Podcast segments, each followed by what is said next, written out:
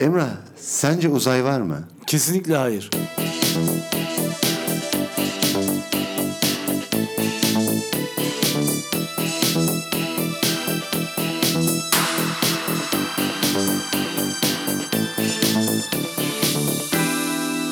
Kara deliğin fotoğrafı çekildi. Ne düşünüyorsun?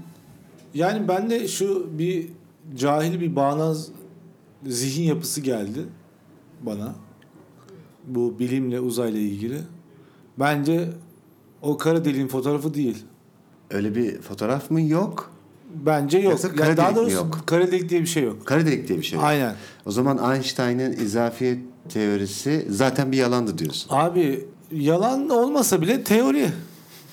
Teoride kan- Belki kanıtlayabildi mi? bu fotoğrafla kanıtlayabildiklerini söylüyorlar. İyi de bu fotoğrafı kim çekti ben bunu bilmiyorum ki. 8 ayrı veya 9 ayrı ülkeden Sektirerek. çok kuvvetli teleskoplarla, merceklerle çekildi. ya bana ne faydası var bunun? Bana onu söyle. İşte Yani bir de şey- oradan geliyor bende. 58 milyon yıl önceki hali. Hatta pardon 53 milyon yıl önceki hali kara deliğin. Bir de öyle yani. Hani algımı da kırıyor. Şu an nasıl ne durumda bilmiyorum. Bugünün dünyasından bakıp 58 milyon yıl önceki kara deliği mi görüyorum? 53 mü 50 mi 50 milyon kesim var da. e, Fasılalı olarak geliyor yani. Hani ses geç geliyor. çünkü Eskiden Almanya aradığın zaman olduğu gibi. evet şu an çünkü hala bir o kadar uzakta bize yani. Uzayla niye bu kadar uğraşıyoruz Göksel? Dünyada her şey bitti sıra uzaya mı geldi? Ya onu merak ediyorum gerçekten. E, uzay bilinmezlik insanı her zaman merak ettirmez mi?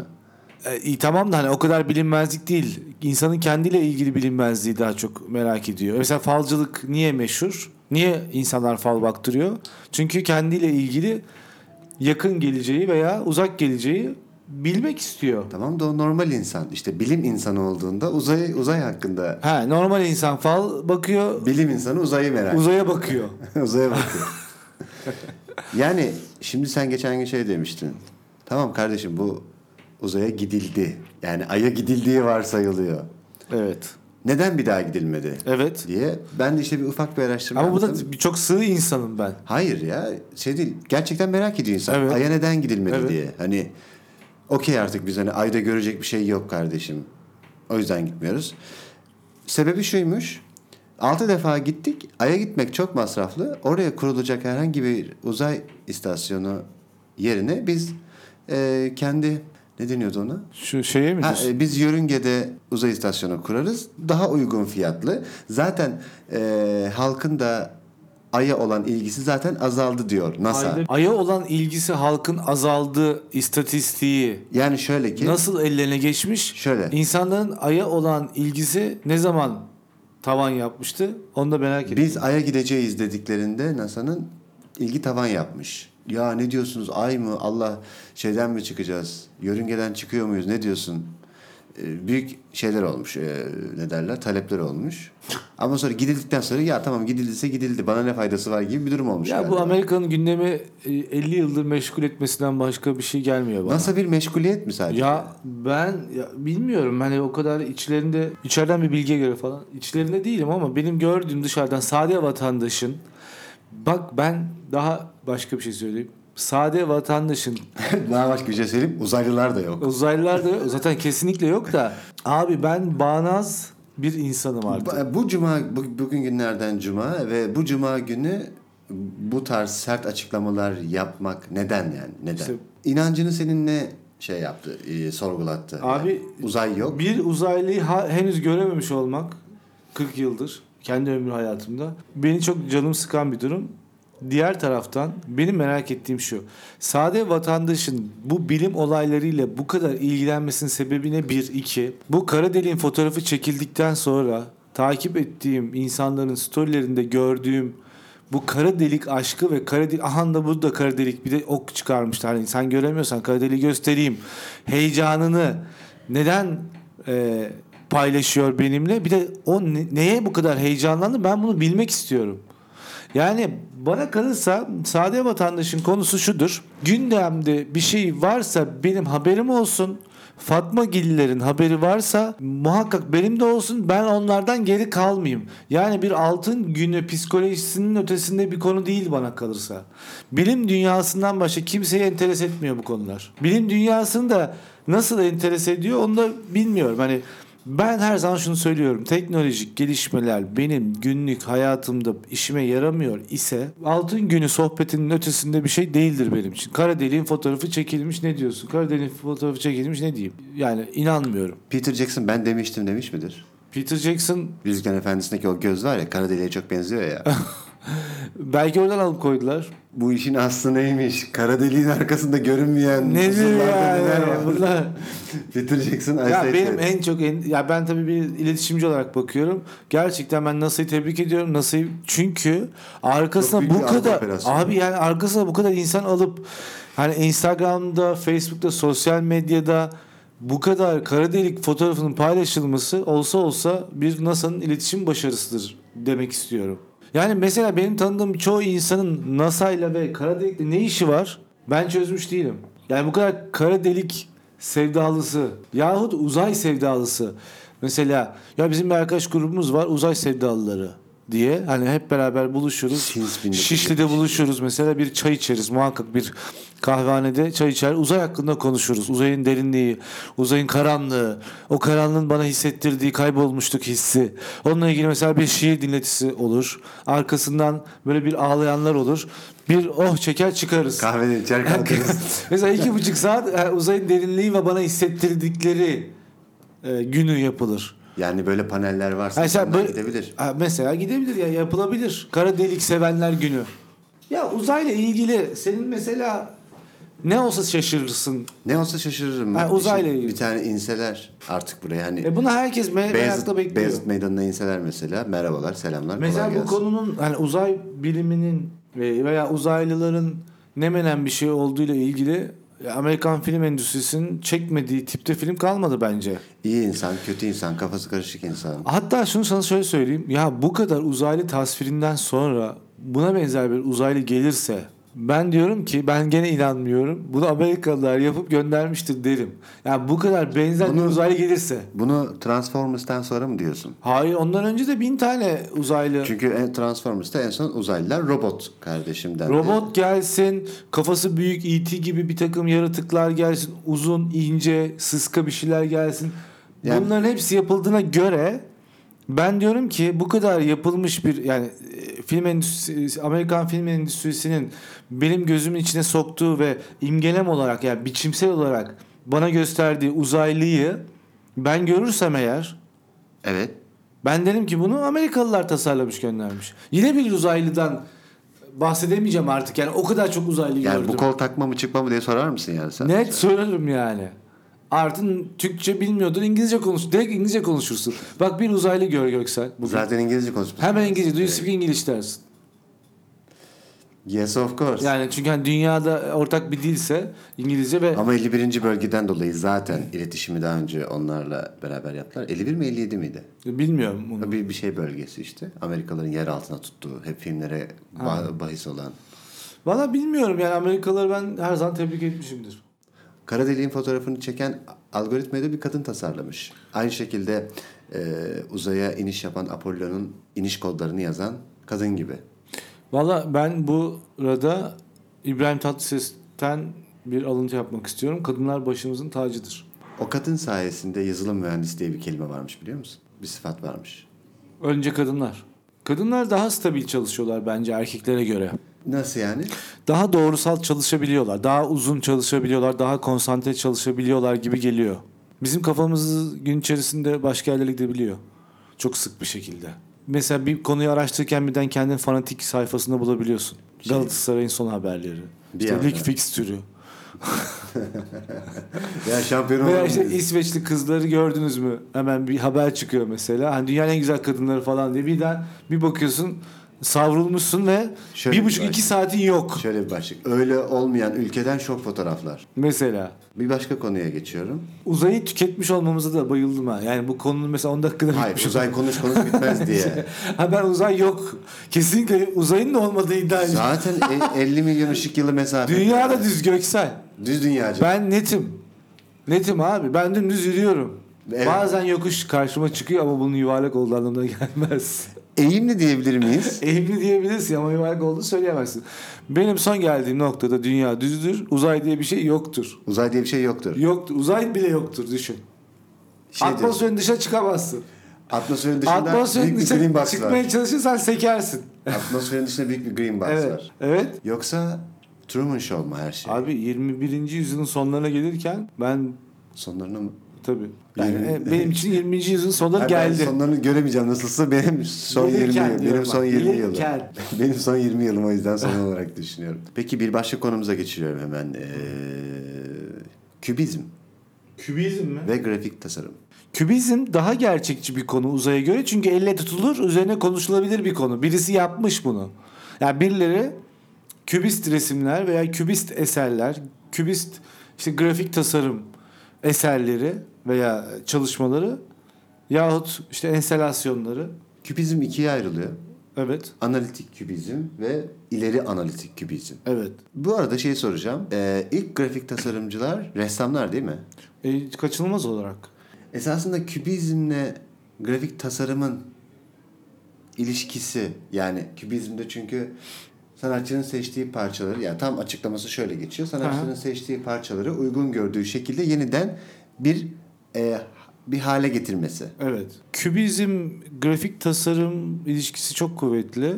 Hatta grafik tasarımın oturduğu yer kübist bakış veya kübist biçimsel olarak e, kübizm olabilir. Biz aslında dijital bir koleje doğru evrildik yani. Grafik tasarım bir de çok hızlı değişen bir e, disiplin. Çok hızlı değişiyor. E, teknolojiden çok hızlı etkileniyor. Günlük olaylardan, popüler kültürden çok hızlı etkileniyor. Grafik tasarım öyle bir durumu var. Grafik tasarım bir sanat olmadığı için bugünü anlatan bir disiplin. Bugünü anlatan bir iş e, tasarımı diyelim grafik tasarım için. Endüstriyel tasarım da öyledir bu arada.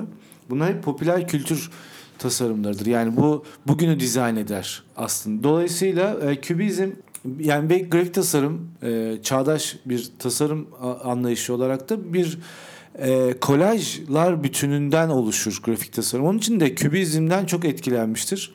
Veya kübizm çok temelde grafik tasarımı etkilemiştir. Grafik tasarımcıyı da etkilemiştir. Kübist yaklaşımın en temeldeki şeyi evet e, bir araya gelmeyecek, getirmediğin parçaları bir araya getirip e, bir sonuç ortaya çıkarıyorsun ama diğer taraftan da iki boyutlu bir tasarıma üçüncü boyut kazandırma girişimidir kübizm. Yani o da çok önemli bir şey. Belki ilk kez sanat tarihinde kübizmle birlikte iki boyutlu baktığın, gördüğün şeyin aslında bir üçüncü boyutu olabileceğini sanatçı e, sana düşündürür. Yani manifestosu da budur zaten. Yani bunun söylemine baktığın zaman da e, kübist e, formların bir boyutlu olarak da özellikle post yani bu ikinci dönem kübist işlerinde bu daha fazlaca görürsün bunları. Boyutları mı? Evet, bu boyutlar daha keskinleşir, daha karmaşıklaşır. Dolayısıyla e, evet, e, grafik tasarım aslında bir e, yani Kübizm kübizmden çok grafik tasarımı doğurmuştur. D- diyebiliriz. Diyebiliriz. Yani ticari bir konu tabii grafik tasarım. Eğer kendine sipariş vermiyorsan, self bir project değilse bu, grafik tasarım bir ticari iş modeli aslında. E, resim de zaman. İletişimin ticari efendim. Resim de öyle değil mi? E, resim yani? tabii şimdi yüzde yüz diyemem de şöyle doğru söylüyorsun aslında resim zanaattır. Başlı başına bir zanaat ürünü. e, grafik tasarımcılar da öyle Evet. zaten. ş- Resim şöyle değişti. E, Kendine e, sipariş vermeye başlayınca ressamlar ve sanat kurumları kurulup e, kolektörler ortaya çıkınca özellikle Batı Avrupa'da ve Fransa'da e, o zaman bir yükseltilmiş bir zanaat ve sanat eserine dönüştü.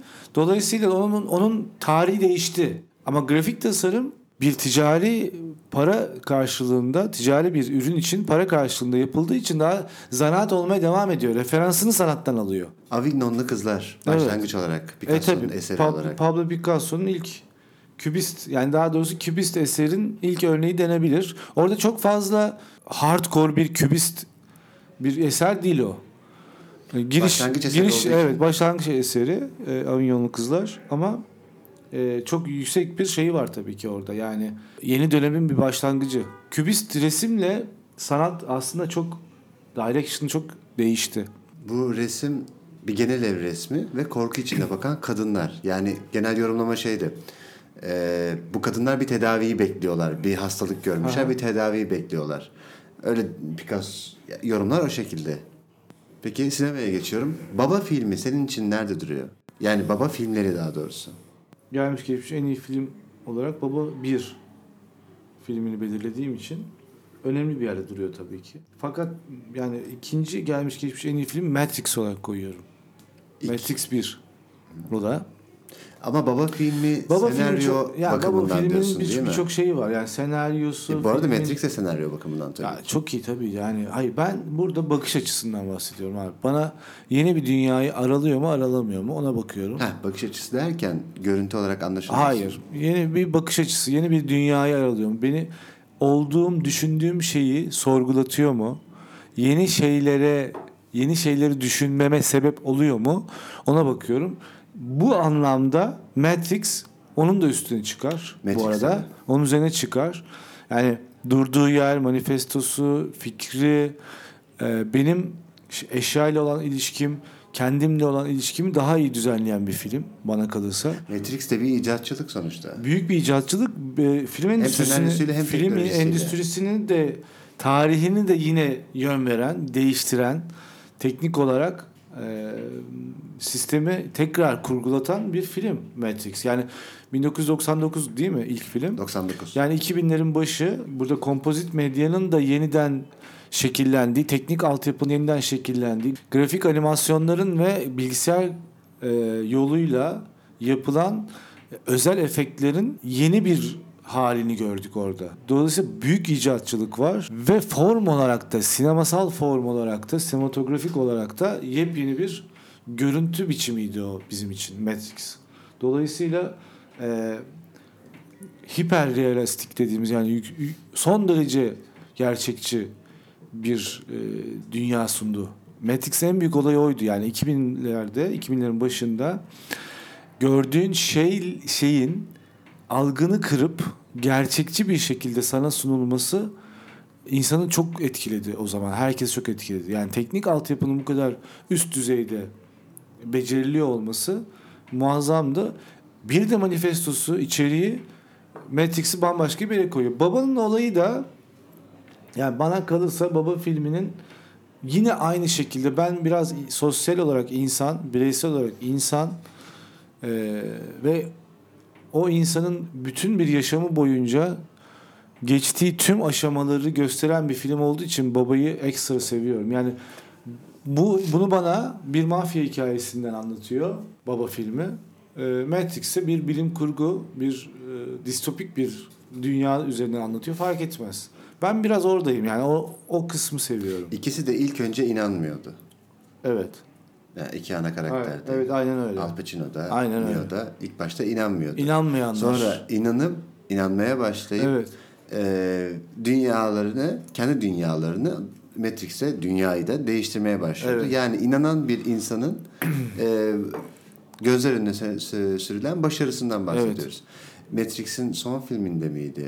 İkinci filmde, e, Matrix diyorum pardon. E, babanın son filminde mi, ikinci filminde karısı inanamıyordu ya onun değişimine ve bir İki. kap- kapı aralığından İki miydi ya? bir kapı aralığından elini öptürüşünü görüyordu.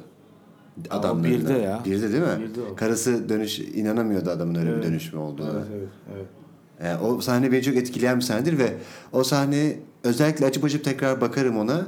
Çünkü gerçekten bir insan gözünden bakıyormuşçasına bir Evet. his vardır orada. Yani nasıl ya hani çünkü bir de 10 dakika önce mi ne konuşuyor yani reddedeceğim falan Evet, diyor evet. böyle. Ama oraya giriyor reddedemezsin. Bu evin yeni lideri sensin. Hakimiyet sende olmalı deyip ve gayet isteyerek elini uzatıyor. Evet, aynen öyle. Matrix'te de bir süre sonra inan sen buna inanmalısın, sen busun diye diye ikna yoluyla dersler, eğitimler vere vere Neo sonunda bu dünyanın bir ne, ne denir o? E, pe- o dünyanın peygamberi diyebiliriz. Yani aslında eee, evet şimdi yani derinlemesine felsefik bir açıklama yapmayayım şimdi. Yani çok uzayacak saçma sapan bir yere gitmesin. Ama eee, her sistem kendi hero'sunu, kahramanını oluşturuyor. Matrix'te de oluşturdu tabii ki. Ama bana kalırsa sade bir vatandaş olarak bu iki filmde, baba filmde, Matrix'te şöyle yorumluyorum.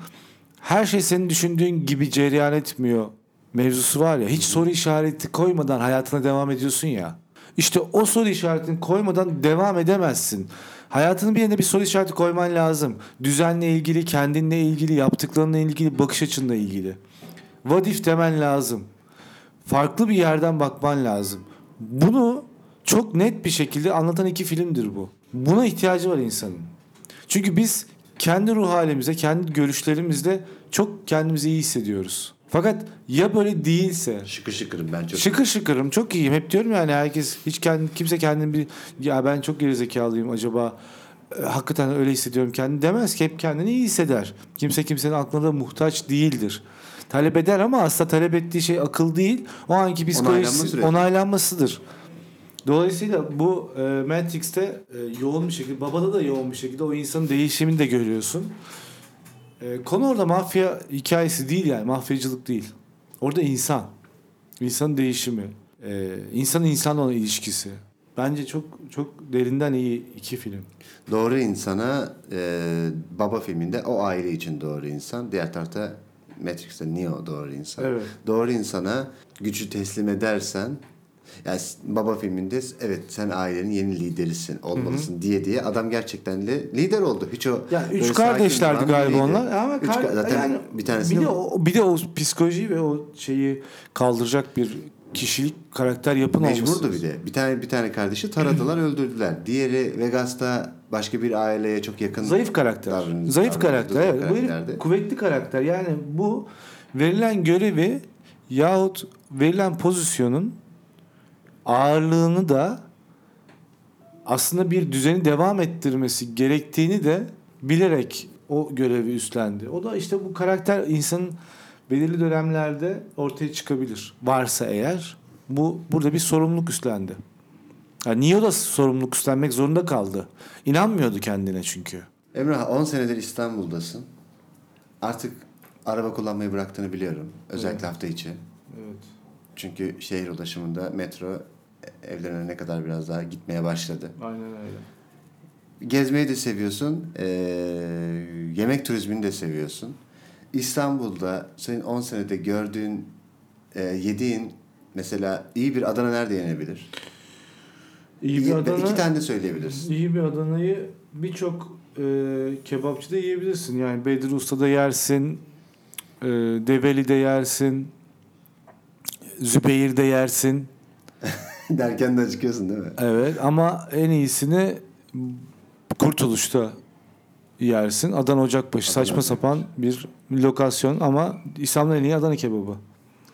Ambiyans sıfır. Sıfır. Lezzet- Sıfır sıfır. Lezzet 20. Hatta işte seninle bazen konuşuyoruz. Ee, Sen de çok seviyorsun orayı da. Hani gidelim diye. inan içimden gelmiyor yani. Orada oturamıyorum yani. ya ben O kadar kötü ki. Orada ya. bir taraftan ben biraz da yaşlılık yani. Ben zevk de almak istiyorum oturduğum Yani vakti bu kadar bu kadar hani şöyle söyleyeyim sana Adana'da bir ara sokakta bir sanayide bir kebapçıya gitsem Orada zaten öyle orada. okeyim zaten. Yani atarım oraya bir tabure atıyorlar ya dışarıya tabure atarım. Adana'mı yer kalkar giderim ama yani İstanbul'un Gobeğinde Kurtuluş'ta e, biraz özenilebilir, özenebilirlerdi diye düşünüyorum. Yani hani o salaşlık hissi vermiyor bana. Anlatabiliyor Yani muyum? Salaş değil diyorsun. kötü. Değil, kötü. Salaşlık hissi başka bir şey. Bu söylediğim gibi orası kötü yani. Kötü yani. Bu, e, az da para da almıyorsun. Adana'nın da iyi. Okey kesinlikle iyi. Ama senle biz mesela Bedir Usta'ya gidip orada e, sosyalleşmeyi tercih ediyoruz. E tabi özellikle koşu yolu. Evet. En iyi pizza? Senin sevdiğin. Ee, tabii en iyi pizza. derken. Şimdi şöyle en iyi doğru söylüyorsun. Burada Napoli pizzası benim en sevdiğim pizza. Napoli usulü yapılan pizza. Kalın. Ekşi mayalı, Kalın kalın. genelde. Evet. E, kara fırında e, odun Hı hı, odun. odun olacak. Burada üç tane yer var. İstanbul'da zaten yiyebileceğin, bunu en iyi yiyebileceğin. Bir tanesi Emirgan Pizza, Emirgan'da. E, ikincisi Napolist şeyde Maslak 1453'te. Bir tanesi de bizim orada e, Cemil Topuzlu'da caddede, Bağdat Caddesi'nde Solemio.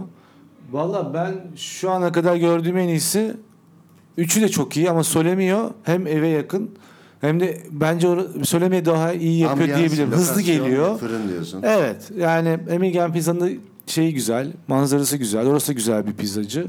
Hepsi de tam Napoli pizzası yapabiliyor. Ama eve yakın olduğu için Solemio diyorum. İyi köfte. İyi köfte e, birçok yerde var. Kadıköy, Ekspres İnegöl. Kadıköy, Ekspres İnegöl kesinlikle iyi köfte. Köfteci Yusuf'un ya bunların hep e, İyi köfte köfte. tipi farklı tabii. Evet. İyi köfte. Ekspres İnegöl'ün caddede de var yeri. E, bu iki köfteyi çok beğeniyorum. Eskiden Kırkpınar vardı. Onların Edirne tipi ıslak böyle şey e, köftesi güzel. Ödemiş köfteyi İstanbul'da hiç yemedik. Ödemiş köfte çünkü. İzmir'de söyleyebilirim. Bornova'da vardı. lazım. Ben nerede İzmir Bornova'da çok güzel Nerede ödemiş yiyeceğini çok köftecisi iyi var. biliyorum. Ödemiş'te otogardaki adam en iyisini yapıyor. Bence en iyi köfteler bunlar şu anda. Peki Ha, Şey de iyi tabii. Filizler köfte de iyi. Ee, onlar da yenebilir ama pek tercih etmedim yani. yeni favori diyet katojenik, ketojenik, Ketojenik. evet. diyet tamamen yağ odaklı bir beslenme. Yağ odaklı bir de dün e, bir haber vardı. Dünya Sağlık Örgütü de Onayladı. onaylamış falan. Ne düşünüyorsun ketojenik? Vallahi ne düşüneyim şimdi tıp, ya bu bir tıp şey midir? doktorlar Bir ve tıpa bu güveniyor bir hit musun? midir? Yani hani mesela şu an bunun hiti Trend, iyi. Trend, trendde gidiyor. Bir- Yani bu şu anda evet en popüler diyet veya sağlıklı yeme alışkanlığı şekli formu şu anda ketojenik. Yani bu keto hormonunu salgılattan herhalde galiba bir şey tam da çok da emin değiliz. Geçen gün de konuştuk üzerine de. Yani ben, bana kalırsa bunu hep bir insanlık tarihinde özellikle tıp biliminin e, insanlık tarihinin bilinmezliğinde dolaştığını düşünüyorum sürekli. 1950'lerde e, Amerika'da Camel marka sigaralarını doktorunuz tavsiye ediyor diye basın ilanlarını düşünürsen daha önce işte yumurta yemeyin sonra yumurta yiyine geçti. Tereyağı Tıp- yemeyin, yiyin, yiyin Tere- yemeyin. yiyin yemeyin yemeyin şimdi yemeyin tekrar. Tereyağı sadece ekmeğe sürersen ki ekmeğe sürme. Aynen. Direkt dil- Sonra sür. karbonhidrat beslenme de karbonhidrat çok önemli. Karbonhidratı artın dediler. Şimdi karbonhidratı iyice düşürün hatta yok yok olsun falan. İşte insülin direnci şu bu falan derken ya vallahi ben sana bir şey söyleyeyim. Burada konu şudur. İnsanlar zayıflamak istiyor. Ve yemek yemek istiyorlar. Ben bana kalırsa her şeyden azar azar. Sen şunu önerir, önerir misin? Ekim, Kasım, Aralık, Ocak, Şubat, Mart'ta güzel güzel yemeğinizi yiyin. Nisan, Mayıs aylarında kısa ve hızlı iyi bir diyet programı yapıp yaza fit girin. Diyemem. Bence diyemem. O, o da çok yanlış oluyor. Her dönem her zaman azar azar ye. İstediğin şeyleri ye. Sporunu yap. Zaten istediğin kiloda olursun. Bana öyle geliyor. En azından bende çalışıyor. Senin sistemin bu. Benim sistemim bu. Peki daha önce de sormuştum bu soruyu. Belki bu sefer farklı bir şey vardır. Dünya yok oluyor. Eğer kurtulursak Ha. ve gelecek nesiller devam ederse bunlar açıp açıp bu insanların sözlerini dinlesinler. Nerede hata yaptık? Gelecekte hmm, neyi daha iyi yapabilirsiniz? Reklam sektöründen de tekrar sana geldiler. Ya ben Belki- herkese şunu söylerim. E, Vicdanınıza göz kulak olun yani. İnsanın vicdanına göz kulak olmazsa Savaşlar da ondan çıkıyor. Kıtlık da ondan oluyor. Obezite de ondan oluyor. Birbirimizi ondan kırıyoruz. Yani vicdanlı insanlar olun derim. 10. podcast'te burada bitti.